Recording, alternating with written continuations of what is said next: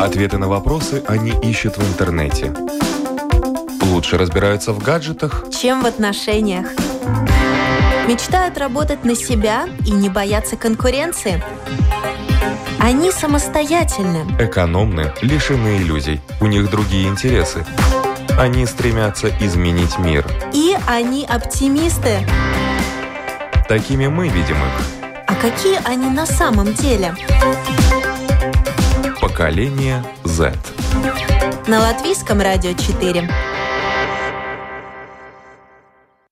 Здравствуйте. У микрофона Марина Талапина, видеорежиссер программы Даниэль Йофе, за операторским пультом Рейнис Будзе и в эфире программа «Поколение Z». Мы работаем в мультимедийной студии. Благодаря этому вы нас можете видеть и слышать на таких каналах, как YouTube, Facebook, а также Instagram, ну и на нашем э, любимом родном сайте lr4.lv. «Поколение Z», э, для всех, кто не знает, это платформа, где встречается молодежь и обсуждает темы, которые сама же и предлагает. И сегодня тема нашей программы «Как узнать другого».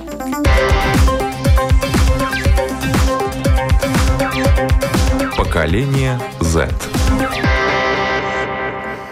В этой программе участвует, я рада представить, Карина Кожера. Здравствуйте. Диана Дроздова. Здравствуйте. Вероника Саулита. Добрый вечер. И Анжелика Мария Зуба. Здравствуйте. Девушки, уважаемые, расскажите, пожалуйста, что это был за проект? Окей, okay, наверное, начнем мы с Карины, как создатель этого проекта, как реализатор этой идеи. Все началось уже очень достаточно давно, когда мы были на другом проекте, решили, что мы хотим продвигать театр, потому что мы сами являемся театралами, ну как бывшие театралы, можно так сказать, сейчас мы не активничаем, но решили, что надо продвигать эту тему, еще раз рассказать молодежи, насколько это классно, насколько это круто быть в театре и быть близким к искусству. Да, и также мы любим путешествовать, и поэтому это вот программа Erasmus отличный способ совместить все это. Там было семь стран. Молдова, Украина, Грузия, Литва, Латвия, Эстония. Э, еще Польша. Забыла. Польша, да. Э, вот, мы все вместе собрались, с каждой страны было по пять участников. Это был достаточно такой большой проект, потому что у нас всего было, получается, 30 человек. 35. Да, 35 человек, да. Вот, все вместе жили, все вместе работали, все вместе все делали, были воодушевлены, вдохновлены. Вот. Так вот. Проект называется «Театр как культурное наследие» для того, чтобы узнать культурное наследие других стран, показать свое культурное наследие. Я правильно понимаю? Вы да, да, правильно. И а, вот благодаря этому проекту, что вы узнали обо всех этих людях? Ну, это, наверное, был такой микс разных культур из разных точек э, планеты, что за эти семь дней, что мы были вместе, мы абсолютно раскрыли друг друга. Мы разные, но мы работали над чем-то общим. И вот это культурное разнообразие, оно и раскрылось, что несмотря на то, что мы смотрим на вещи по-разному мы смогли прийти к чему-то одному, сделать один манекен челлендж, сделать одно э, уличное выступление, сделать вместе какой-то один этюд, потому что все, что было на нашем проекте, это все сводилось к тому, что мы миксовались между собой, мы смешивались, и мы создавали что-то единое. И несмотря на какие-то, если разногласия вдруг происходили, мы всегда приходили к чему-то одному, и это всегда было невероятно, что-то э, эмоциональное, эмоциональное, красивое. И вот со стороны, как мне кажется, организаторы могут оценить, как, насколько это было что каждый, каждый, каждый отдавался, э, отдавал чуть, чуточку себя и своей культуры. Вот как происходила встреча первая вообще, глаза в глаза? Кого ты первого увидела, когда в Грузию прилетела? Э, ну, наверное, литовцев, потому что мы ехали с ними на одном трансфере. Да, мы вышли из аэропорта, первых, кого мы встретили, это были литовцы, но мы с ними уже были до этого знакомы. Потом мы приехали в отель, и в отеле уже были ребята, потому что мы были не первые, кто приехал. Украина была первая. Да, мне кажется, Украина, но мы как-то не обратили внимания, потому что мы сразу по комнатам, там вещи собирать. Mm. И... А что за гостиница? В каком городе вы жили? где это все происходило, где вы делали свои перформансы, где вы репетировали? Ну, мы жили в городе Букуряне, перформансы, все это проходило в городе Букуряне. А, нет, первый, который манекен челлендж, это был Ахалцихе. А я знаю, что вы присылали фотографии, я надеюсь, что нам их тоже покажут. Город, в котором коровы гуляют по улицам. Это да. И не только коровы, да, это очень важно подметить. Да, но это тоже такая особенность тех мест, в которых вы побывали. Абсолютно. И это красота гор. Мы находи... Вообще Бакуряне же считается один из э, известных курортов после Гудаури, как многие знают. И поэтому вокруг эти красота гор еще не заснеженные вершины были контраст, когда гуляют коровы, лошади бегают э, и свинки ходят по улицам. Это было ну, для европейцев, мне кажется, и для всех, кто был, в принципе, такие городские жители. Это было прям вау, что-то прям такое. А вот. вам как-то комментировали, почему это происходит? Почему? Нет, для них это нормально. То есть мы ехали, мы, получается, с аэропорта нам где-то три часа надо было добираться, и мы приезжаем в несколько городков маленьких, где вот так вот ходят коровы, они просто идут по дороге, там по шоссе ездит машина на большой скорости, а водитель только сигналит коровам, там, отойди, ты мне мешаешь, и Э, семь дней проживания, еда. Вот э, это дорогостоящий проект. Трудно было получить финансирование. Ну, это как и все проекты Erasmus. Ты подаешь заявку, ты ждешь, пока тебе его одобрят или нет. Например, этот проект мы ждали три раза, мы подавали его, чтобы его одобрили. И очень, кстати, забавный такой факт, что мы три раза подавали, и у нас бюджет рос. Я не знаю, с чем это связано, но просто мы решали, что нам нужно больше денег, нам нужно больше. И когда мы достигли такой, ну, не максимум, но больше всего, это было почти 27 тысяч евро мы потратили на этот проект. И тогда его одобрили. И мы такие, окей, хорошо, спасибо большое. Мы, конечно, очень рады, что у нас такой большой бюджет, что мы могли позволить себе действительно вот на том уровне, на котором мы хотели его провести, мы его действительно провели. Начнем с того, что у нас э, на многие на проекте это minorities, эм, нацменьшинство. нацменьшинство. И мы живем в Латвии, но на самом деле мы знаем про культуру, но не настолько много и не настолько хорошо. И поэтому мы хотели углубиться, чтобы каждая страна, вообще наша цель была собрать майнорити с каждой страны. Мы были русскоговорящие в основном. И так как мы были minorities, мы хотели больше узнать про страну, в которой мы живем, чтобы мы могли ею гордиться, чтобы мы могли говорить, что вот в Латвии вот такая культура. И мы все это обсуждали, все это анализировали, все это сравнивали, смотрели, как где работает, все ну, как-то, я не знаю, в общем. Ну, и мы э, представляли Латвию, мне кажется, да. это тоже показывает вот это каждое, каждое вот это нацменьшинство, как это сказать, э, представляло свою страну. Даже хотели бы и не хотели, они показывают культуру своей страны, несмотря на то, что они нацменьшинство. Да, это здорово то, что они не только знакомили нас, ну, допустим, у нас было задание э, презентовать, рассказать о истории театра в своей стране. И то есть даже Получается так, что каждая страна представляла э, театр для других и для себя в том числе. Как зародился полностью в Латвии, какие ведущие персоны были, то есть э, какие театры, именно здания, куда ходят люди. Сейчас, Статистика, да. Но театр это лишь часть культурного наследия. Да. Что-то было еще. Но Я вот... слышала фразу: мы ходили в рестораны, в Ну вот, и так как это проект международный, Erasmus имеет несколько стандартов, мы не можем просто взять маленькую стесь театра и топить ее. Мы пытались со всех сторон взять, то есть мы там и танцы изучали, и и просто культуры, и кухню. У нас были культурные вечера, где мы каждый представлял свою страну, там немножко кухни, напитки какие-то, немножко там, не знаю, танцев. Вы рассказывайте сразу, что вы готовили от Латвии. Да. И кто готовил? Мы все, в принципе, хлебный суп мы готовили. А, что мы еще готовили? Ну, конфеты, конечно, как всегда. Мы вообще, у нас уже был, вы что, у нас же был лучший Балтийский вечер. А, ну, Из-за того, что у нас было вот это 30-летие Балтийского пути, мы все это объединили объединили, и мы сделали три страны, вся Прибалтика. У нас был один вечер, нас потом там все благодарили, мы там такой перформанс сделали. Да, и мы а, решили объединились, Потому да. что обычно а, на Erasmus проектах очень любят представлять свою страну с помощью Кахута либо PowerPoint презентаций. И нам это немножко надоело. Мы хотели, так как у нас театральный проект, мы хотели уйти от этих стандартов. И поэтому мы сделали все как перформанс. И мы изначально у нас было так, то, что мы посадили всех людей вокруг, э, просили их закрыть глаза, выключили свет. У нас парень из Литвы читал историю Балтийского пути. Мы все вокруг вот так Балтика стояли, взявшись за руки, и потом мы с ними ходили, как Балтийский путь. Еще песенка играла, которую написал, кстати, лат э, латвийский певец, не певец, композитор. Композитор, да-да-да. Посвященная Балтийскому пути, который, да. На, на трех языках. Да. И мы всем говорили, что это латыш написал. И первый латышский язык был. И первую песню, кстати, тоже латыш написал. Что вы узнали и почерпнули от других ребят из других стран, из их э, театральных перформансов? Наверное, мне очень понравился грузинский вечер. Он был в очень э, неформальной обстановке. То есть, если наши все вечера проходили в нашем отеле, то на грузинский вечер весь день мы гуляли по, э, по разным Большим. местам. Да, по, ну, у нас была экскурсия на целый день выезд. И вечером нас привезли в ресторан где был огромный-огромный стол для 35 человек, где со всеми этими традициями, застольями мы провели этот вечер, со всеми танцами, с тостами. Э, это было здорово, что культура была показана вот так вот нестандартным образом, потому что у них эта культура, культура за столом очень отличается от нашей, и это было очень интересно. Вот. Мне очень понравился этот вечер. Ну и что это за улыбки? Давайте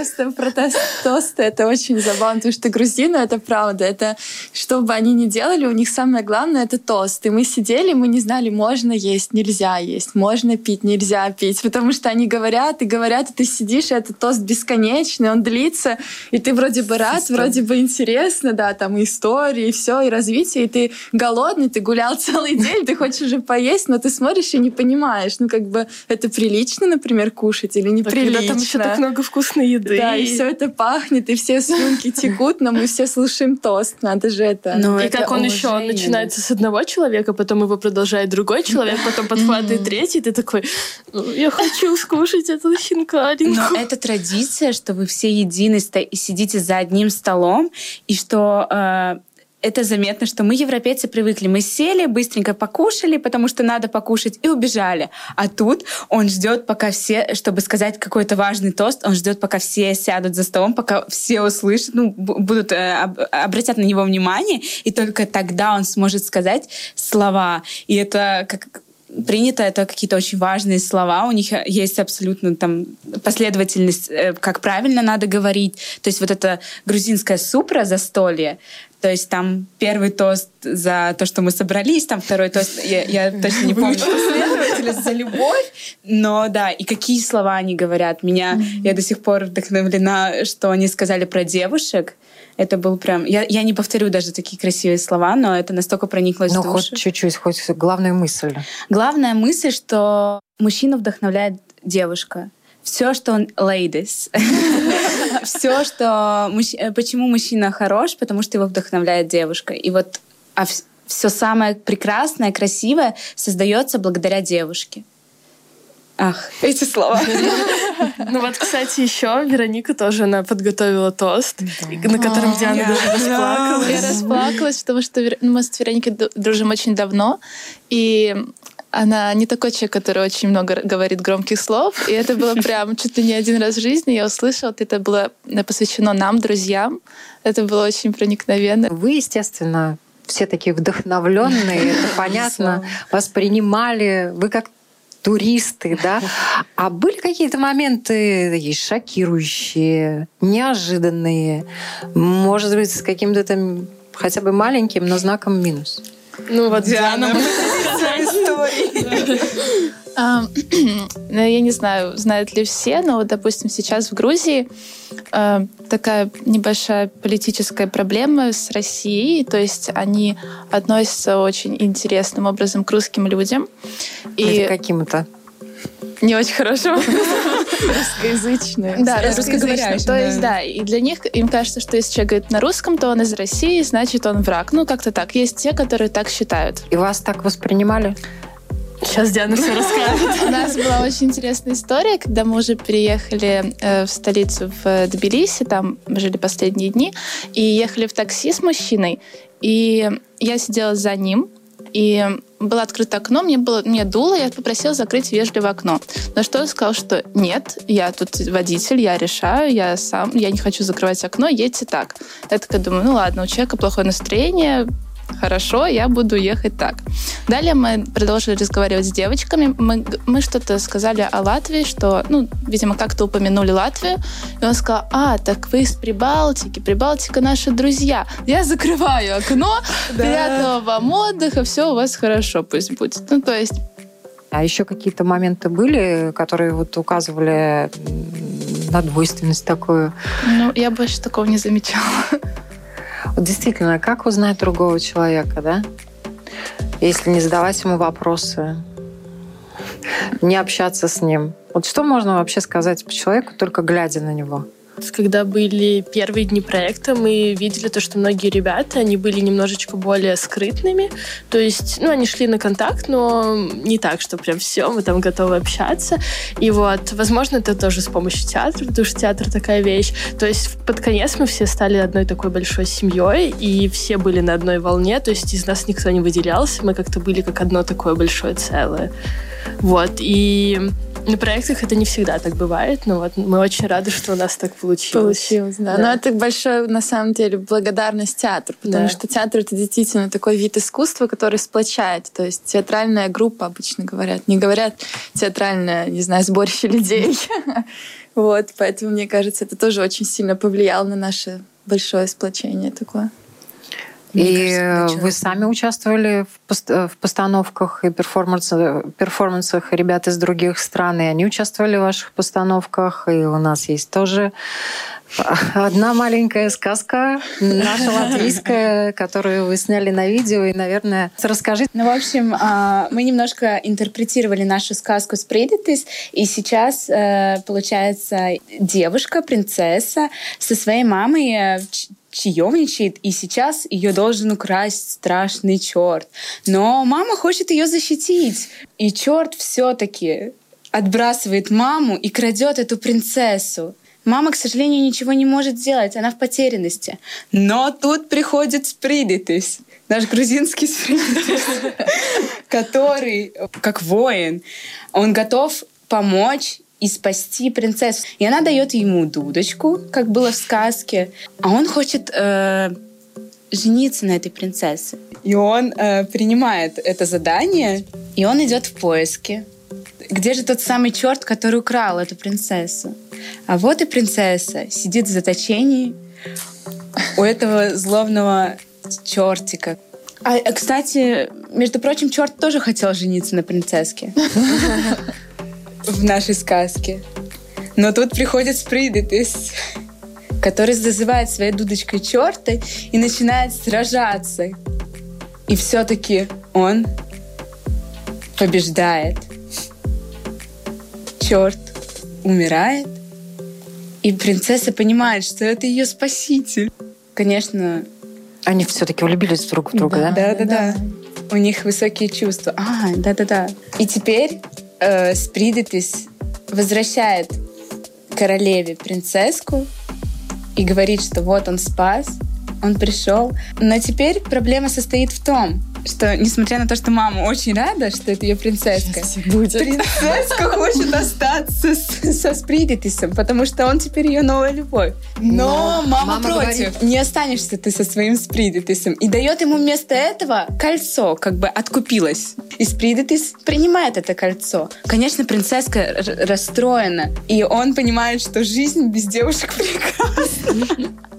и уходит искать свое счастье. Ну, вообще, по сказке, это же было волшебное кольцо, и он сказал, что он превратит свое сердце в алмаз, чтобы его больше никто не разбил. Ну, мы немножко переделаем. Да. Да, но тем не менее он остался один. Интересная сказка. Как ее восприняли ребята из других стран? Ну вот интересный факт, что мы же все делились своими сказками. И вот потом к нам пришла наша подружка грузинка и сказала, что я все поняла. Потому что при Балтике все сказки заканчиваются не том, что все, все счастливы, все вместе живут дружно и жили долго и счастливо, а тем, что, например, в литовской сказке превращают своих... Там в конце умирает, в общем, возлюбленный тоже, и в конце его, его как, жена да. превращает детей в деревья и сама превращается тоже в дерево, ее слезы — это янтарь. В эстонской сказке тоже великан умирает, его семья вся умирает, весь дом сгорает, ничего нету, и в конец тоже, что вот он как бы умер, и своих там негодяев рукой там сбил, что-то там кому что-то ему отрезали, не помню, то ли голову, то ли, ну, в общем, все очень... Все умерли. Да, все, все не очень-то радостно. Она такая, ну, теперь я все поняла, все, все зарождается именно там, в этих всех сказках, потому что с детства мы же, ну, как бы привыкли слушать сказки, в школе учимся. И она сказала, что интересный факт, что у нас все так радужно, а у вас не очень. А, а какие еще культурные различия вы наблюдали? Вот чем реально наша молодежь отличается от э, молодежи Грузии, Молдовы? Ну вот я, кстати, я не знаю, может быть, не, не именно по этому проекту, а так вообще, в общем, если про проекты говорить, то я заметила, что Латвия, она очень пунктуальная. Если есть э, сказано то, что надо прийти вовремя на блок, то есть ну, у нас есть программа, и там, допустим, в 10 часов начинается блок, то я замечаю то, что латыши не всегда придут и всегда будут вовремя, а потом, допустим, те же итальянцы или кто-то еще, их там сидишь и ждешь, ну когда же они там уже дойдут. А на этом тебя? проекте кто опаздывал? Ну вот на этом проекте у нас как-то да, вот, кстати, литовцы опаздывали. Все время. Да, все время. Так что, если вдруг они нас услышат, привет. Спасибо вам. А вот э, какие-то моменты именно взаимопонимания, да, или восприятия, или взгляда на какие-то вещи. Вы разговаривали на каких языках? Общались? Ну, мы использовали русский язык, английский язык и, в принципе, все. И всегда вот это для всех был родной язык или второй язык, который хорошо знали ребята? Ну, Нет, ну, сложно сказать. 90%. Да. да, у нас английский знали не все, и при этом на, э, на русском разговаривали тоже не все так получилось. И, наверное, вот в этом есть какая-то разница, политический бэкграунд такой, потому что у нас была и Украина, и Грузия, и, наверное, их это немножко сплачивало больше, можно сказать, их э, такая политическая ситуация в данный момент. Нам, наверное, как э, немножко отдаленные от этой ситуации, было по-другому на это смотреть, и мы воспринимали это с другой стороны. Мы не очень понимали, почему им важно говорить на английском, и почему настолько они избегают этого русского языка, если так можно сказать. То есть в таких ситуациях, если только. А какие-то вот моменты пытались э, объяснить, спросить, какие-то политические Безусловно. вещи? Мы постоянно пытались идти на диалог. Я как человек, который изучает международные отношения, я пыталась понять и их сторону, и нашу сторону. Но, наверное, здесь происходит так, что мы понимаем, почему так, но нам это не так близко, как им. То есть мы а не живем в этой ситуации. Они объясняли, что это официальный язык, э, английский это официальный язык Евросоюза, а, а русского языка в Евросоюзе нету. Поэтому давайте говорить по-английски все вместе. Но это, это такое, оно как бы нам не очень мешало, но на это мы заостряли внимание. Кстати, по этому поводу как раз вот было то, что мы с грузинами, мы изначально обсуждали то, что э, нам нужны партнеры, которые будут понимать русский язык хотя бы, потому что вот у нас была девочка Тика, она волонтер, она не говорит на русском, но она понимает, отвечает на английском. И вот мы сошлись, то, что у нас будет такие условия. Но когда проект подтвердили, случилась вся вот эта политическая ситуация, после чего они очень так против настроились русского да. языка, и в итоге вот это все пошло, мы такие, ну, мы-то тут ни при чем. То есть от того, что мы говорим на русском языке, это не делает нас людьми из России. Или даже если мы были бы из России, то это же, ну, мы же не имеем отношения никак к этой ситуации. Они пытались постоянно раскрыть вот эту историю, показать нам, что вот они ну, страдают из-за этого всего, и что исторический момент очень важный им было преподнести, показать. И они также очень часто говорили, то есть там, я не знаю, надевали майку, где там 20% или моей не помню территории. сколько, да, моей территории оккупирована Россией. И мы такие, ну, ребят, мы понимаем, но вы же также общаетесь, те же украинцы, ну, с украинцами не было как-то проблем в этот раз. Вот. В этот раз. Ну, на самом деле, конечно, вы все равно э, шли, отталкивались от того, что вы их понимаете, говорили с ними на языке, на том, на котором они хотели говорить, да? Да, мы конфликтов из-за этого не было. Нет, нет, нет, не было. Просто да. иногда были такие замечания, которые нас тоже задевали, как бы их задевало, и это нас задевало. Но вот это было только со стороны Грузии, и все.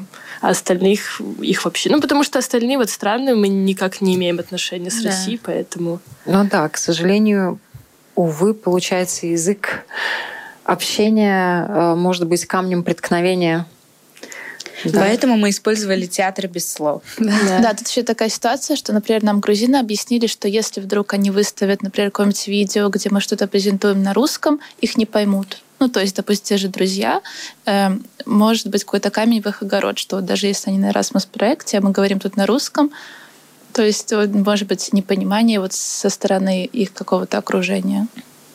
Поэтому пытались это понять. И... У нас даже сейчас приходят какие-то повещания с предложением залайкать странички, где там мы против России или еще что-то. Мы такие, ребят, мы не будем в этом участвовать, простите.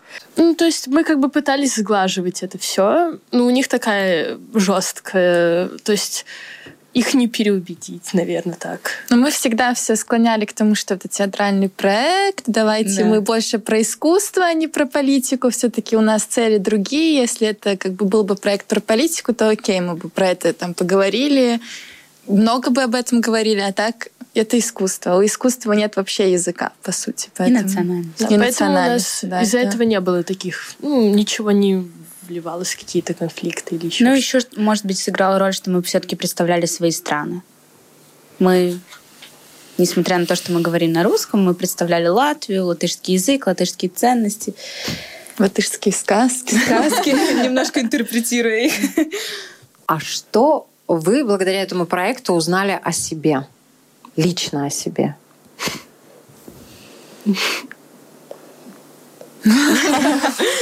Там, там настолько не было времени думать, э, все настолько быстро происходило, что, наверное, не было так много времени думать, что мы узнали о себе. Но я, например, узнала, что я не знаю о нашем национальном театре ничего. Я, что мне бы хотелось углубиться, узнать о наших режиссерах, актерах, больше о латвийских. Потому что, как девочки со мной поделились, у нас есть достойные, очень даже не обижать никого. Но, на самом деле, что у нас есть что рассказать о нашем театре, потому что мое представление было, что мы не очень богаты театром, и что у нас есть какие-то заведения, но что узнать, что у нас учат, и что можно столько возможностей исходить и посмотреть. То есть для меня это было большое открытие. Может, какие-то человеческие новые качества в себе открыли? Организатор, давай. Да. Про, про время. А, да, как впихнуть не впихуемо. да. Это, прям наше качество. Что мы развили в себе, потому что иногда, ну вот день был один у нас такой, что программы было много, всего было запланировано много, а в сутках всего 24 часа, а на программу всего, ну там, Еще не знаю, 8 часов, ну 10, ладно, окей, что-то такое среднее.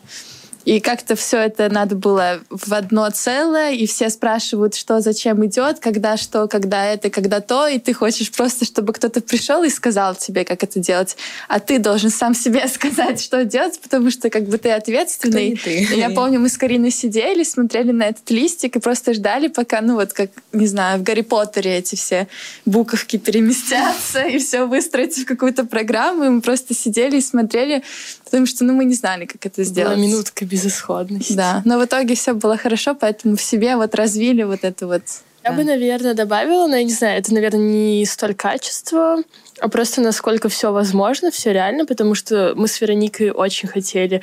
Мы давно начинали писать свои первые проекты, но их не подтверждали. И потом мы переключились уже на другую тему. И, в общем, и насколько все реально, насколько все возможно, и как получилось все очень классно. Нам очень понравилось то, что все ребята отзываются очень хорошо про проекты. То есть у нас нету никаких негативных отзывов. То есть настолько это все приятно и классно, mm-hmm. то, что для нас это был первый проект, мы его так ждали, и что вот он получился прям вот даже круче, чем мы думали. Лика плачет. Это настолько сильный проект. Вот, видите, даже ребята рыдают от того, что ты проект. Ну, это правда сильно. Я, допустим, о себе узнала то, что э, вот когда ты попадаешь в такую сферу, ну, точнее, ну да, Э, такую среду скорее. Не обязательно пытаться всем понравиться. То есть я была тут максимально собой, я настолько расслабилась, потому что обычно, когда я попадаю в такую среду, где много людей, я, я не знаю, как себя вести. Как вести себя так, чтобы вроде показаться такой классной, чтобы никто ничего плохого не подумал. А тут я подумала, что нет, я не хочу. Ну, то есть я не хочу делать какие-то над собой такие усилия, быть не собой. Поэтому я узнала, что можно вот так вот. Можно просто быть собой и можно не заморачиваться. Да. Ну, давайте, наверное, попробуем созвониться с одним из участников.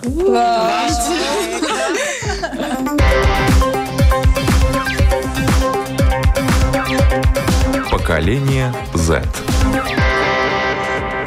Тогда с нами на связи Молдова.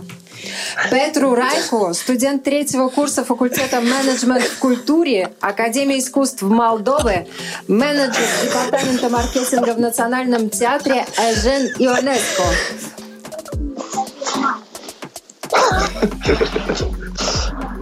Добрый, Хочу добрый ко мне вечер. подойти, чтобы, чтобы Я- Петр увидел, Привет. кто здесь. Только я не приехал в Ригу или что? Вас так много там? Э,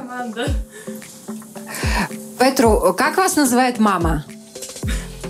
Ой, моя мама рядом. Э, мо- Моего папу зовут тоже Петру, и меня зовут Петруша. И очень интересно узнать, что вы в Грузии узнали о Латвии. О Латвии что я узнал? Ну, если честно, даже со стыдом, но скажу, что я вот Латвию, э, Литва, Латвия, ну, уже Эстония, то есть я всегда очень, очень сложно, то есть для меня были эти страны, то есть различить их как-то, то есть я не был, я был только в, в Эстонии, был в Таллине, и вот в этом проекте я уже, у меня в голове появилась точная рес- структуризация вот этих стран, то есть я точно их больше не буду, э, то есть буду их различать постоянно.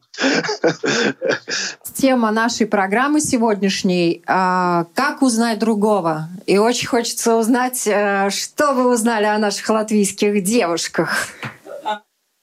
Ой. Начнем мы с тем, что они очень э, креативные, потому что вы уже знаете, наверное, что вот девушки, которые сидят сзади вас, они, то есть и У нас и, все такие креативные. Да, они, а- они создали этот проект, за что им большое спасибо. И я очень рад, что я тоже попал на этот проект.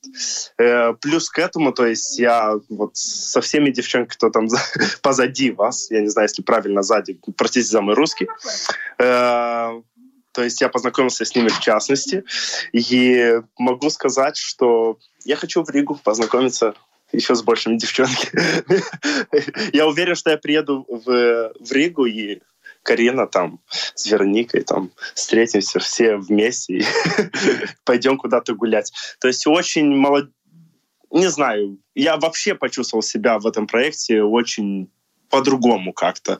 То есть я уже работая это, не знаю, как-то полез в такую серьезную сферу, в серьезные такие намерения, там, карьера, это все. И этот проект просто в Грузии, то есть окунул меня назад, то есть в какое-то ощущение лагеря, то есть, что все друзья. За 10 дней мы успели прям подружиться очень хорошо, и вот мне это понравилось, то есть и, не знаю, вы мне задали вопрос именно про Латвию. Ну, у меня ко всем, то есть появились более такие чувства, чем, чем прям что-то точечное узнать.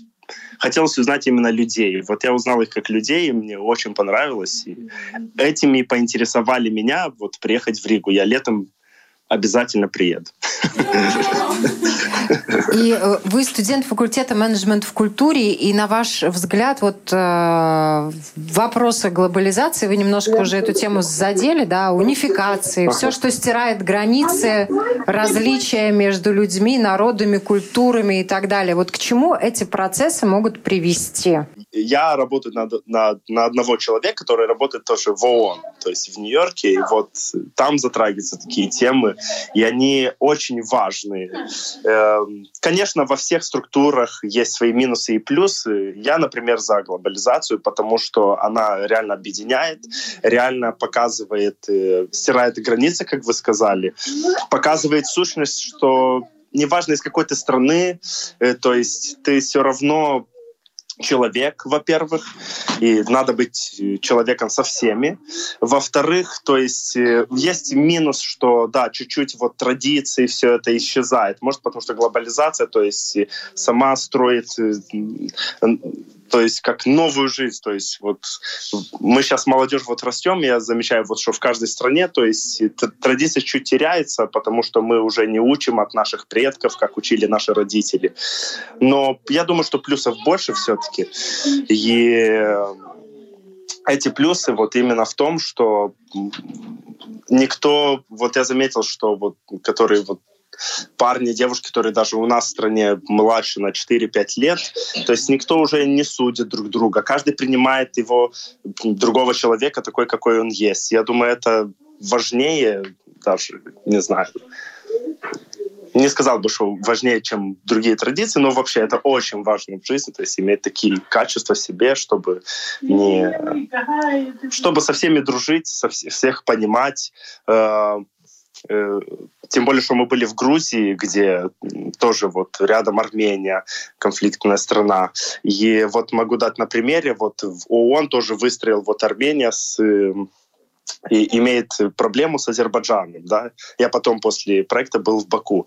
И вот там выстроен такой проект, чтобы дети э, вот из, из Азербайджана встреч, встречались с детьми из, из, из, э, из Армении, чтобы выстроить контакт, потому что в каждой стране, потому что они конфликтуют друг с другом, они все думают друг о друге, что они там прям враги, прям инопланетяне.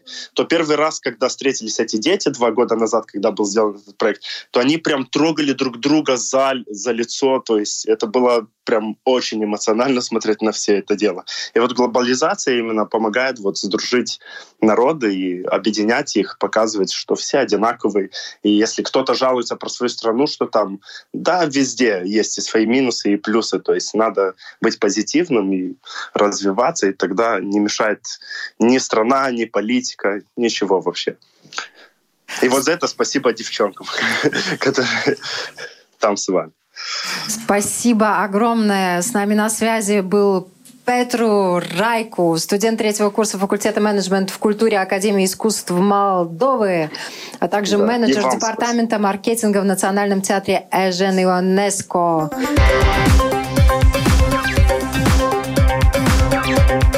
Поколение Z. Я напоминаю, уважаемые э, зрители, слушатели, вы э, смотрите и слушаете программу «Поколение Z». Э, мы работаем в мультимедийной студии, благодаря которой вы можете нас видеть на таких сайтах, как Facebook, Instagram, YouTube и, конечно, на нашем родном сайте lr4.lv. Если хотите предложить свои темы для разговора, пожалуйста, милости просим, звоните нам, пишите нам. Мы обязательно обсудим э, те темы, которые важны для вас, и вы можете стать также нашими героями. Ну а сегодня мы обсуждаем, как узнать другого. И э, мы это обсуждаем э, с девушками, которые организовали и провели проект «Театр как культурное наследие». Хочется у вас спросить, в такой ситуации, когда все унифицируется, стираются эти границы. Как сохранять ту самобытность, ту культуру, которая все-таки цена для нас, которой мы гордимся, то, о чем вы говорили в начале. Как сохранять в условиях глобализации? Ну, мне кажется, что вот даже как э, когда у тебя есть шанс представить свою страну, и вот у Вероники, кстати, есть пример с танцами, э, когда она попросила гречанок станцевать. И то есть, когда тебя просят представить твою страну, в тебе появляется какой-то, не знаю, патриотизм, может быть, и ты начинаешь в это как-то больше внедряться и, не знаю, как-то воодушевляться, и больше ты такой хочешь показать, показать больше, рассказать про Латвию, ну, либо там другой кто-то про свою страну. Ну, а наши кажется, латвийские танцы танцевали? Да, конечно, танцевали. Мы каждый день, ну ладно, не каждый день, я вообще поняла, что латышские танцы у нас есть две версии. Одна такая спокойная, а вторая это как кардионагрузка. Ты просто постоянно, ну, как бы прыгаешь, прыгаешь, прыгаешь, прыгаешь, и уже на пятый раз ты уже не можешь, ты уже задыхаешься, потому что очень-очень сложно. Но всем нравится, так что да. И вот, как сказала Карина, я сделала такой эксперимент. Эм, мне было интересно, вот я недавно была тоже на другом проекте, и там были гречанки, и они любят техно. И они вот любят танцевать под техно. Ну и как бы я думаю, я, если честно, считаю, что техно это не танец, это так, дрыгал, дрыгание под музыку.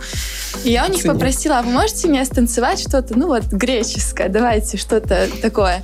И вы увидели, как они расцвели в улыбке, когда они это танцевали. Просто это настолько близко и настолько, ну, как-то родное. Ты о доме вспоминаешь, не знаю, танцуешь, хочешь показать себя, что мне кажется, даже вот в рамках глобализации это никогда не исчезнет, потому что это всегда твое, это всегда вот что-то, внутри. что остается внутри. И всегда, когда ты хочешь этим поделиться, ты всегда как-то с гордостью об этом говоришь, я не знаю, как-то хочешь с любовью со всей, со, всем, со всей душой, от всей души вот это рассказать, рассказать.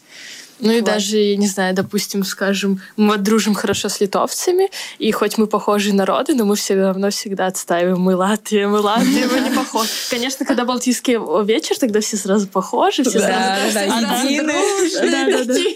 А так мы с ними всегда ругаемся, то что нет, Литва круче, Латвия круче, кто круче. Ну, раз уже заговорили о танцах, я думаю, пора и станцевать. И в нашей да, программе. Пора. Это такой эксперимент. Мы первый раз это делаем. Надеюсь, что не последний. Смотрите нас на канале YouTube, Facebook, Instagram и на сайте lr4.lv. Всем до новых встреч. Танцуем, девчонки.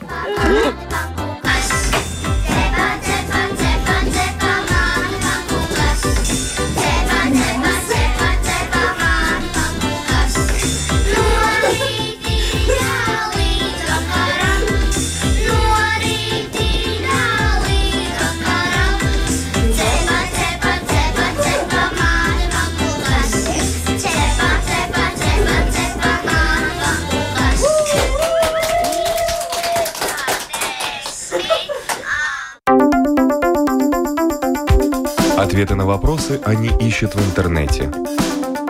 Лучше разбираются в гаджетах, чем в отношениях. Мечтают работать на себя и не бояться конкуренции. Они самостоятельны. Экономны, лишены иллюзий. У них другие интересы. Они стремятся изменить мир. И они оптимисты. Такими мы видим их. А какие они на самом деле? Поколение Z. На латвийском радио 4.